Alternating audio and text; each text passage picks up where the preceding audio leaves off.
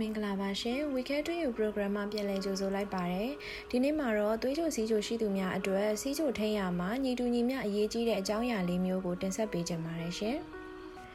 နံပါတ်1စားသောက်မှုပုံစံအမျိုးအစားနှစ်သွေးကြိုစီးကြိုရှိသူများအတွက်သွေးတွင်းတကြားတဲ့ထိန်းရမှာစားသောက်မှုပုံစံက25ရာခိုင်နှုန်းအရေးပါပါတယ်။တကြားနဲ့အချိုကဲတဲ့အစားအစာတွေကိုအတက်နိုင်ဆုံးရှောင်ကျဉ်ခြင်းဟင်းသီးဟင်းရွက်များများစားသုံးခြင်းအသားတက်လုံလောက်စွာစားခြင်းကစီတက်တင်းတင်းစွာစားခြင်းနဲ့ရေလုံလောက်အောင်တောက်ပေးခြင်းစတဲ့တင်းတင်းမြတာတဲ့စားသောက်မှုပုံစံမျိုးရှိရမှာပါ။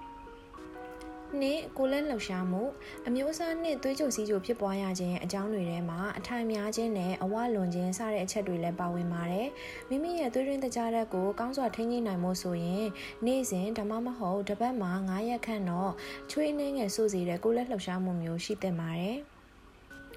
3ဆေးဝါးနဲ့ကျန်းမာရေးဆောင်ရှောက်မှုသွေးကြိုစီးကြိုရှိသူများဟာအချိန်နဲ့တပြေးညီတောက်သုံးနေရတဲ့ဆေးဝါးတွေကိုဆရာဝန်နဲ့တိုင်ပင်ပြီးတော့ထိန်းညှိရန်လိုအပ်တယ်လို့ပဲစီးကြိုနည်းနွယ်နောက်ဆက်တွဲယောဂတွေကိုအချိန်မီသိရှိနိုင်မှုအတွက်ကျန်းမာရေးစစ်ဆေးမှုများလည်းပြုလုပ်ရန်လိုပါတယ်။ဒါကြောင့်ဆေးဝါးများနဲ့ကျန်းမာရေးဆောင်ရှောက်မှုကလည်း25ရာခိုင်နှုန်းအရေးကြီးပါတယ်။